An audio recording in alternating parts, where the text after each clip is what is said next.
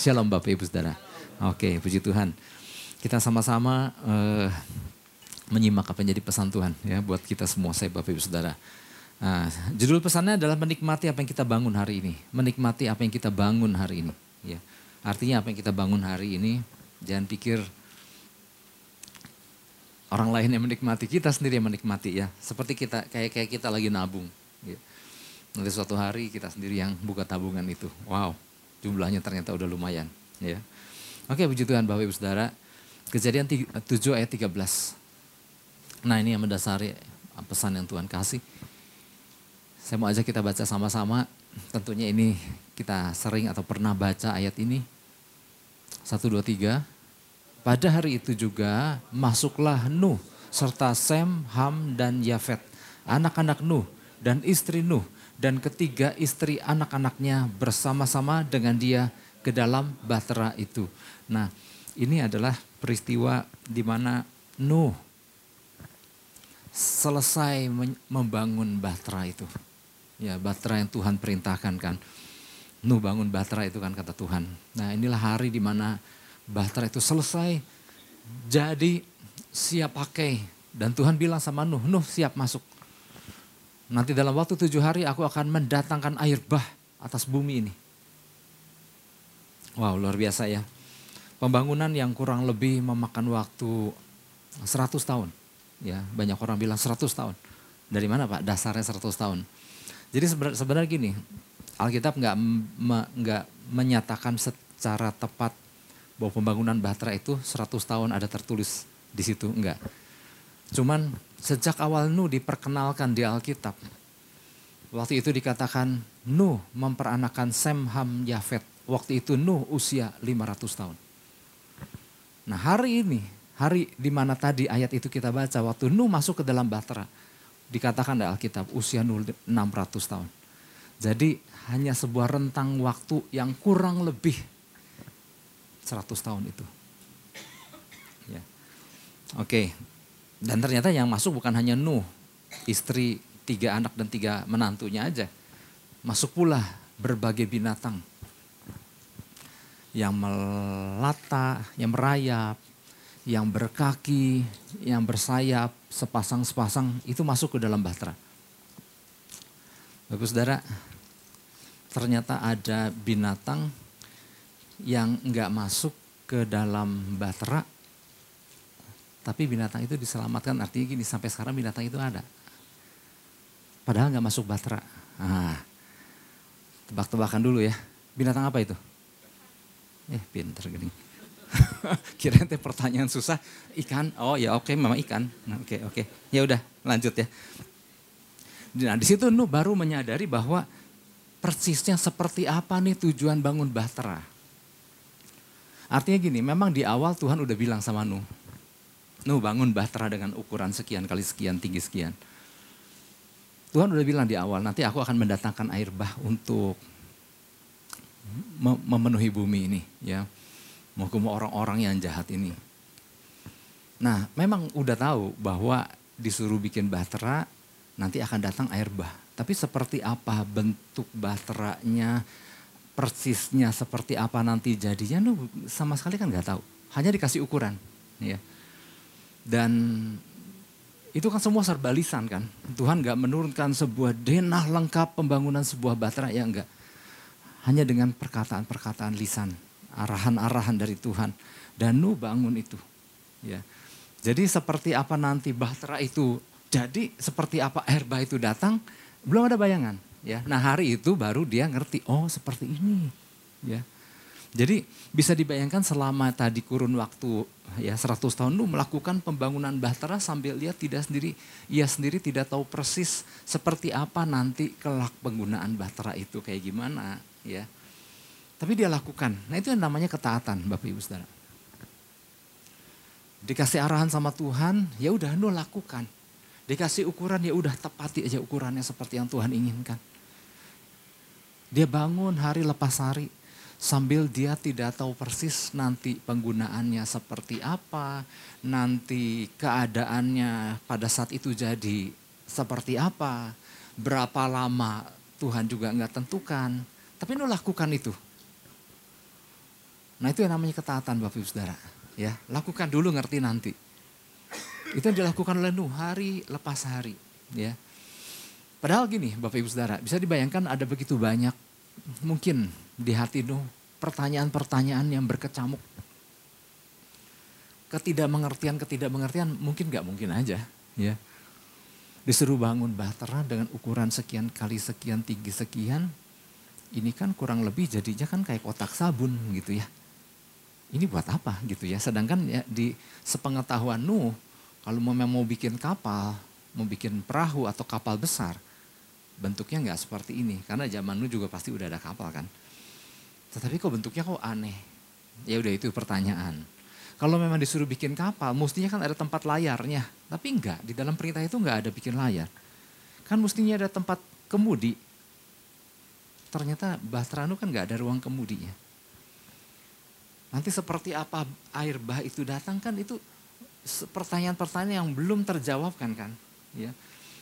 Dan lalu Tuhan bilang kan nanti binatang-binatang, berbagai binatang yang uh, hidup akan masuk sepasang demi sepasang.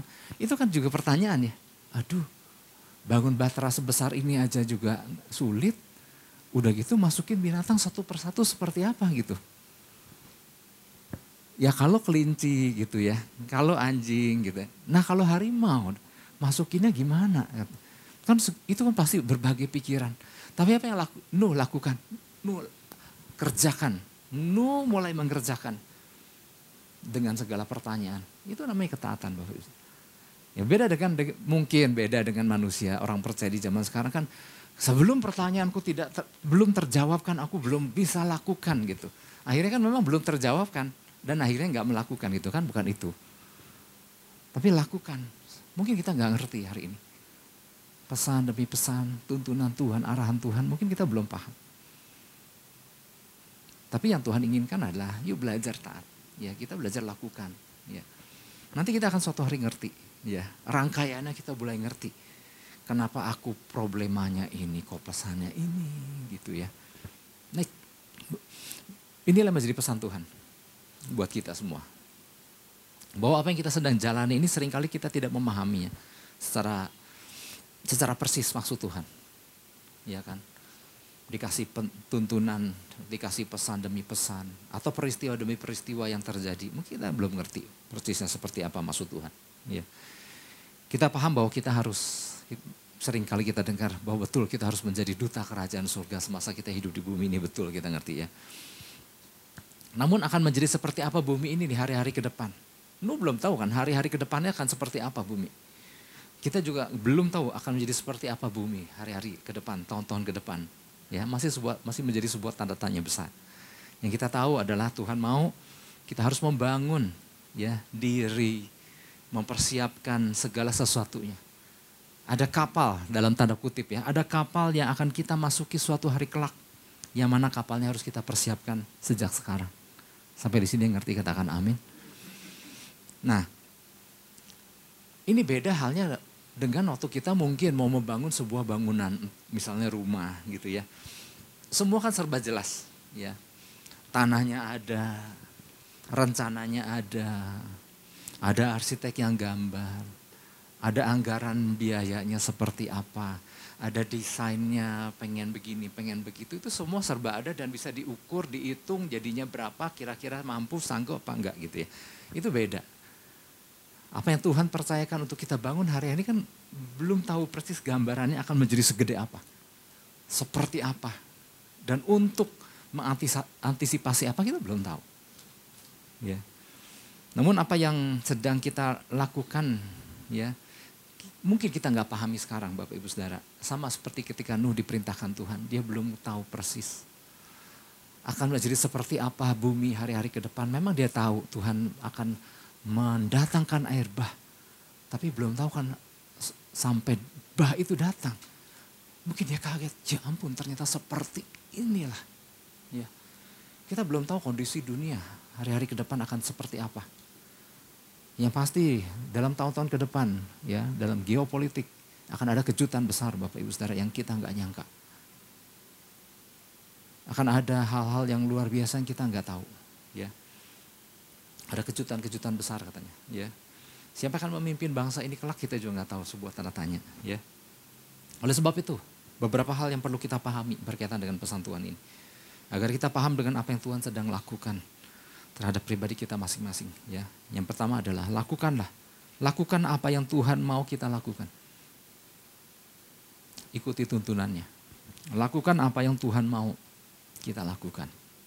Ikuti tuntunannya. Sama seperti Nuh. Nuh, udah lakukan aja. Buat batra. Sekian hasta kali sekian hasta tinggi sekian hasta. Dengan bahan kayu gofir. Dan kemudian ada perintah-perintah lain yang gak terlalu banyak. Nuh mungkin, ah gimana, ya udah lakukan aja. Ya. Pada poin yang pertama ini adalah kejadian 6 ayat 14. Kejadian 6 ayat 14 bilang begini. Buatlah bagimu sebuah batera dari kayu gofir. Batera itu harus kau buat berpetak-petak dan harus kau tutup dengan pakal dari luar dan dari dalam. Ini kan sebetulnya kalau mau dilaksanain kan sebetulnya kan banyak pertanyaan kayak gimana gitu. Berpetak-petak tuh kayak gimana Tuhan? Kan gak terlalu jelas ya. Mungkin Bapak Ibu Saudara pernah terlibat atau mungkin sekarang punya hobi yang namanya hobi model kit atau ada punya anak-anak yang punya hobi model kit? Membangun sesuatu benda misalnya mobil lah pesawat atau kapal dari bahan yang dari bahan yang terpecah-pecah dari yang belum utuh. Arti artinya gini itu belum bangunan belum si si desainnya belum jadi tapi udah di, cuma disediakan gambar dan bahan. Bahan-bahannya ini ya partikel-partikel kecil daripada bahan yang harus disambung-sambung. Yang ngerti ya maksud saya? Gambarnya udah ada belum? Udah ada. Wah seperti ini nih bakal jadinya. Baik yang hitam putih maupun gambar berwarnanya udah ada. Bahkan tiga dimensinya udah ada. Wow seperti ini. Nah kemudian di, di kotak itu kan kalau dibuka kan ada bagian-bagian kan kecil-kecil yang harus kita sambung-sambung plus lemnya, plus langkahnya, satu dua tiganya dan lain-lain. Dan kemudian yang dibutuhkan adalah apa? ketelatenan aja, kesabaran. Nyambung, ini disambung sama ke mana, nomor ini disambung sama nomor ini, akhirnya suatu hari jadi. Apakah seperti itu? Nuh membangun bahtera? Enggak. Enggak terlalu banyak perintah. Akan jadi seperti apa persisnya? Nuh juga masih tanda tanya. Tapi Nuh lakukan itu. Ya, ini beda dengan yang tadi. Ya, Nuh lakukan seberapa yang Tuhan arahkan. Ya memang nggak mudah mengerjakannya ya, tanpa ada denah lengkap seperti apa uh, bentuk akhir daripada bahtera itu. Makanya seperti tadi ini, dibagi eh, ini ayat 14 ayat 16 ayat 16. Ayat 16 dibilang gini. Buatlah atap pada batra itu dan selesaikanlah batra itu sampai sehasta dari atas dan pasanglah pintunya pada lambungnya buatlah batra itu bertingkat bawah, tengah, dan atas. Ini kan masih masih belum tahu persis seperti apa nih maksudnya, ya kan? Tapi bagaimana Nuh lakukan? Ya udah, dia mulai start. Yang penting jalan dulu. Bagaimana dengan kayu gofir yang disyaratkan Tuhan? Ya, konon katanya kayu gofir nggak ada di wilayah Nuh. Tapi oke, okay, kalaupun ada kayu gofir, pohon-pohon gofir, itu pun gak mudah kan. Itu kan pohonnya harus dipotong dulu, ditebang dulu. Pohon-pohon besar itu kan ditebang untuk bahan pembuatan batra. Artinya sangat gak mudah. Tapi apa yang Nuh lakukan? Nuh lakukan langkah demi langkah seperti yang Tuhan perintahkan. Ya. Nah, Nuh dengan teliti mengerjakan tahap demi tahapnya. Ya. Apabila kita perhatikan di Alkitab Tuhan di, di Ya saya karena saya udah bacakan Bapak Ibu Saudara tinggal nanti baca lagi. Ada ada kata yang diulang-ulang buatlah bahtera dari kayu gofir, buatlah atap. Ada Pak kata buatlah, buatlah, buatlah. Nah ternyata kata buatlah ini menggunakan kata asah bahasa aslinya ya. Yang artinya pastikan engkau membangunnya. Ya, kata asah, kata buatlah itu adalah Artinya gini, pastikan engkau membangunnya. Jangan, mungkin gini, Nuh jangan iya-iya aja, pastikan engkau membangunnya, buatlah. ya. Atau juga kata asa itu artinya act with effect. Lakukan dengan suatu dampak. lakukan tapi bener loh jadi loh gitu loh. Kemudian uh, kata asa itu adalah put in order. Ya, buat sesuai dengan urutan, sesuai dengan tatanan yang Tuhan tetapkan. Oh ini masing-masing ada maknanya ini. Ya. Memang untuk membayangkan adalah seperti orang membuat tadi hobi model kit tadi, tapi beda. Eh, model kit kan semua tersedia dan kecil dan tinggal sambung nyamuk. Tapi kan ini bicara soal proyek skala besar. Dan Tuhan mau, nulu jadikan itu. Lakukan sampai jadi. Lakukan sampai berdampak. Nah ini yang sama dengan kita Bapak Ibu Saudara. Ini boleh kita tangkap. Tadi gambaran Nuh itu adalah apa yang Tuhan mau kita lakukan hari ini. Hal yang sama dengan kita saat ini.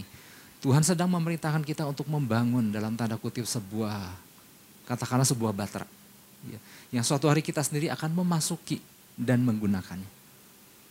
Hanya belum tahu kan kapan, ya seperti apa. Ya, tetapi hari ini Tuhan udah memerintahkan kita dengan segala perintah-perintahnya, arahan-arahannya, tuntunan-tuntunannya. Untuk kita apa? Yuk lakukan aja.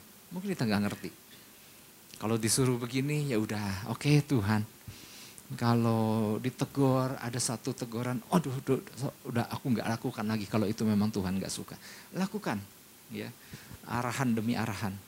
Ya, jadi gambarannya gini, saat ini mungkin kita bagikan Nuh yang sedang merakit dan menyambungkan bagian demi bagian dari denah yang Tuhan berikan tersebut. Meskipun denahnya nggak detail-detail amat. Ya. Sesuatu yang tidak diberikan secara detail dan tergambar dengan jelas dalam sebuah denah, namun berupa satu perintah dan pesan. Itu yang dikatakan kata asah tadi. Kita bersyukur Tuhan kasih arahan, kasih tuntunan untuk kita bangun sesuatu. Ya, pastikan bahwa sesuai dengan makna asah tadi, pastikan kita membangunnya, pastikan kita melaksanakannya. Ya mau katakan amin. Pastikan kita act with effect. Ya, lakukan dengan suatu dampak. Put in order. Buat sesuai dengan urutan dan tatanan yang Tuhan berikan. Mungkin kita gak ngerti, tapi mulai bangun sesuatu. Karena gini, suatu hari kita baru mengerti. Dan kita akan yang kita sendiri akan menikmatinya. Nah gambaran ini buat kita lebih paham bahwa apabila kita nggak memedulikan arahan dan tuntunan Tuhan, ya atau mungkin kita mengabaikannya. Apa sih pesannya? Atau mungkin kita pilih-pilih, aku nggak suka yang ini, aku suka yang ini. Saudara bisa bayangkan. Nanti kalau suatu hari Tuhan bilang masuklah ke dalam. Akan ada bolong-bolong karena gini, kita dulu mungkin ya kalau kita pilih-pilih, aku nggak suka yang ini. Ternyata ini kan nggak kita bangun. Aku mengabaikan yang ini, biarin itu mau buat dia, bukan buat aku. Saudara bisa bayangkan, istilahnya gini, ada bolong-bolong nggak lengkap. Karena yang Tuhan inginkan sama Nuh. Nuh buat tanpa bolong-bolong. Wah Pak dari tahu dari mana? Nuh disuruh buat bahtera tanpa bolong-bolong. Oh ada perintahnya ya. 6.14 tadi. Kejadian 6 ayat 14. Sampai ada celah sedikit pun Nuh tutup. Harus kau tutup dengan pakal dari luar dan dari dalam. Sampai seteliti itu. Tuhan mau jangan ada bolong-bolong. Jangan ada celah tutup dengan pakal. Ya ternyata pakal adalah bahan dari kayu tersendiri yang lebih elastis, yang tujuannya untuk mengisi celah-celah kecil. Ya, menurut para ahli pakal yang digunakan adalah tadi dari bahan-bahan yang kayu-kayu dari jenis yang lain. Ya, entah dari bubuknya kemudian dipakai untuk menutupnya atau seperti apa, tapi itulah yang yang, yang disuruh Tuhan kepada Nuh. Ya. Apalagi kalau bolong-bolong, gimana kalau itu air bah suatu hari datang kan, itu masuk semua kan ke dalam. Nah, mungkin tuntunan demi tuntunan Tuhan tidak selalu mudah untuk kita lakukan. Namun bukan artinya kemudian kita mengabaikannya. Ya, ingat kisah Yosua. Waktu Yosua menggantikan Musa memimpin bangsa Israel menyeberang sungai Yordan. Itu kan sangat gak mudah kan. Saya sering kali sampaikan bahwa sungai Yordan itu lagi deras-derasnya. Dan lagi lebar-lebarnya. Ya, beda jauh dengan sungai Yordan hari ini di tanah Israel sana. Di, di kisah Yosua, lebar sungai Yordan itu begitu lebar, begitu deras, airnya sebak, katanya meluap karena lagi musim menuai. Karena Tuhan lagi mau memperlihatkan Joshua, pada saat engkau menginjakan kaki di tanah perjanjian, engkau lihat itu musim menuai. Hasil-hasil panen yang lagi mekar-mekarnya, lagi berbuah-berbuahnya. Di situ Tuhan lagi memperlihatkan itu yang aku janjikan, negeri yang berlimpah susu dan madu. Nah tapi untuk menyeberang ke tanah perjanjian lewat sungai Yordan yang lagi deras dan dalam, itu bukan hal mudah. Maka Tuhan kan kasih tuntunan. Nah waktu Joshua tangkap tuntunan demi tuntunan, dengan teliti seperti yang Tuhan kehendaki, maka aman Bapak Ibu Saudara. Joshua, ah Tuhan ya ini susah nggak mau ah gitu. Dan tuntunan itu sangat nggak mudah memang kan. Para imam harus berjalan di depan membawa tabut. Dan kalau sampai di tepian air sungai Yordan, imam itu harus mencelupkan kakinya. Ngeri loh Bapak Ibu Saudara. Air sungai lagi deras-derasnya dan dalamnya dan imam, pernah dengar imam berenang kan nggak pernah kan? Jadi mungkin gentar, waduh gimana kalau aku kepleset dan aku ke, ke bawah air gitu. Tapi apa yang dia lakukan? Dengan taat dia lakukan. Dia masukkan kaki ke air. Dan waktu para imam mencelupkan kakinya ke sungai, air sungai terputus. Seringkali kita pilih Tuhan mujizat dulu, mujizat dulu. Baru aku percaya. Enggak, lakukan dulu. Dan Tuhan akan nyatakan sesuatu yang dahsyat. Yang ngerti katakan amin. Nah sering kali Nah seperti halnya Nuh, Nuh juga ya udah lakukan aja. Dan Tuhan mau lewat pesan Nuh tentang Nuh ini kepada kita hari ini. Tuhan mau kita, udah lakukan aja. Ya. Jangan pilih-pilih. Perlu keberanian memang untuk melakukannya dalam ketaatan. Ya, seperti tadi para imam, perlu keberanian. Seperti Nuh, perlu keberanian. Ini kakek 500 tahun. Nggak tahu ya zaman itu 500 sudah disebut kakek atau belum ya. Tetapi 500 tahun Bapak Ibu pada saat usia orang pada masa itu tuh bisa 800. Ya lumayan lah ya, nggak mudah-mudah amat. Tetapi untuk membangun sebuah batra itu nggak mudah, perlu keberanian, perlu determinasi, perlu ketaatan untuk lakukan itu. Nah itu yang pertama ya. Jadi yang pertama lakukan apa yang Tuhan mau kita lakukan, ikuti tuntunannya. Yang kedua, lakukan dengan melibatkan seluruh anggota keluarga. Wow, berapapun jumlah anggota keluarga. Ada suami istri, belum ada anak, ya udah bisa, itu keluarga. Punya satu anak, itu keluarga. Punya dua anak, itu keluarga. Atau single parent, ya. Bisa aja, tapi lakukan itu. Dengan melibatkan seluruh anggota keluarga, seberapapun jumlahnya. Kejadian 6 ayat 18. Jadi Tuhan lagi, lagi ingatkan kita, yuk bangun apa yang Tuhan perintahkan. Dan semuanya itu untuk kebaikan kita. Ayat 18 bilang begini, tetapi dengan engkau aku akan mengadakan perjanjianku dan engkau akan masuk ke dalam batra itu. Engkau bersama-sama dengan anak-anakmu dan istrimu dan istri anak-anakmu. Ya. Jadi total berapa orang? Lebih cepatan jawaban jawab ikan tadi. Berapa orang? Delapan, betul delapan ya. Meskipun di waktu Tuhan di awal perkenalan awal tentang Nuh, di situ disebutkan bahwa Nuh adalah seorang benar ya uh, di kejadian 6 ayat 9 Nuh itu seorang benar tidak bercela hidup bergaul dengan Allah. Nah Bapak Ibu Saudara kita tahu Alkitab menceritakan tentang pribadi Nuh. Nuh adalah seorang yang benar dan tidak bercela di antara orang-orang sejamannya. Dan Nuh itu hidup bergaul dengan Allah. Nah kemudian datanglah perintah kan? Tuhan melihat Nuh seorang yang bisa dipercaya orang benar. Dan Tuhan percayakan Nuh untuk membangun Bahtera. Oke lah, membangun Bahtera kurang lebih 100 tahun. Dan tibalah hari di mana Bahtera itu jadi dan siap untuk dimasuki.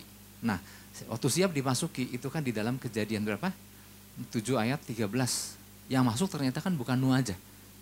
Yang masuk Nuh bersama tiga istri dan satu istri, tiga anak dan tiga menantunya. Nah, pertanyaannya adalah gini, kok yang benar Nuh, kok yang bisa masuk delapanan? Apakah ini artinya orang benar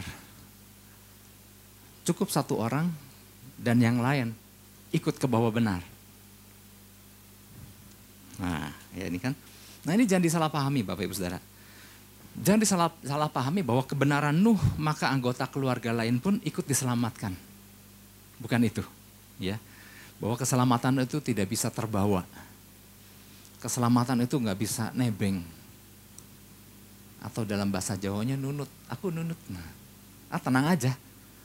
Ya aktifkan orang tuaku, cari Tuhan. Nanti aku terbawa. Enggak, enggak gitu. Ya, ini baik orang tua maupun anak-anak juga harus paham bahwa keselamatan itu nggak bisa terbawa. Ya.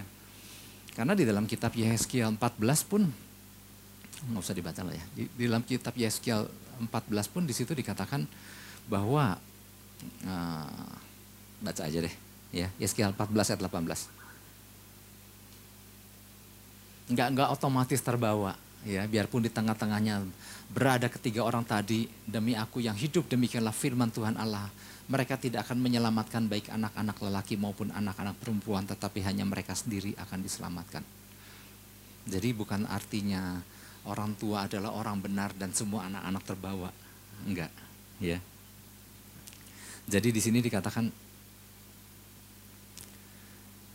mereka pun harus benar katakan amin anggota keluarga pun harus menjadi orang benar.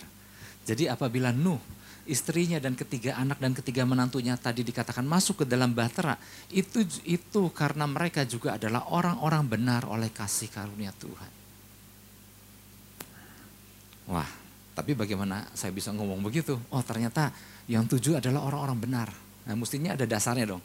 Ternyata gini Bapak Ibu Saudara, sebagai orang benar, Nuh sebagai orang benar, Nuh bukan hanya hidup benar untuk dirinya sendiri.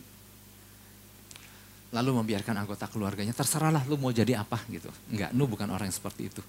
Sebagai orang benar yang hidup bergaul dengan Allah, Nuh tahu bahwa Nuh harus memberitahukan kepada isi, anggota keluarganya. Ya.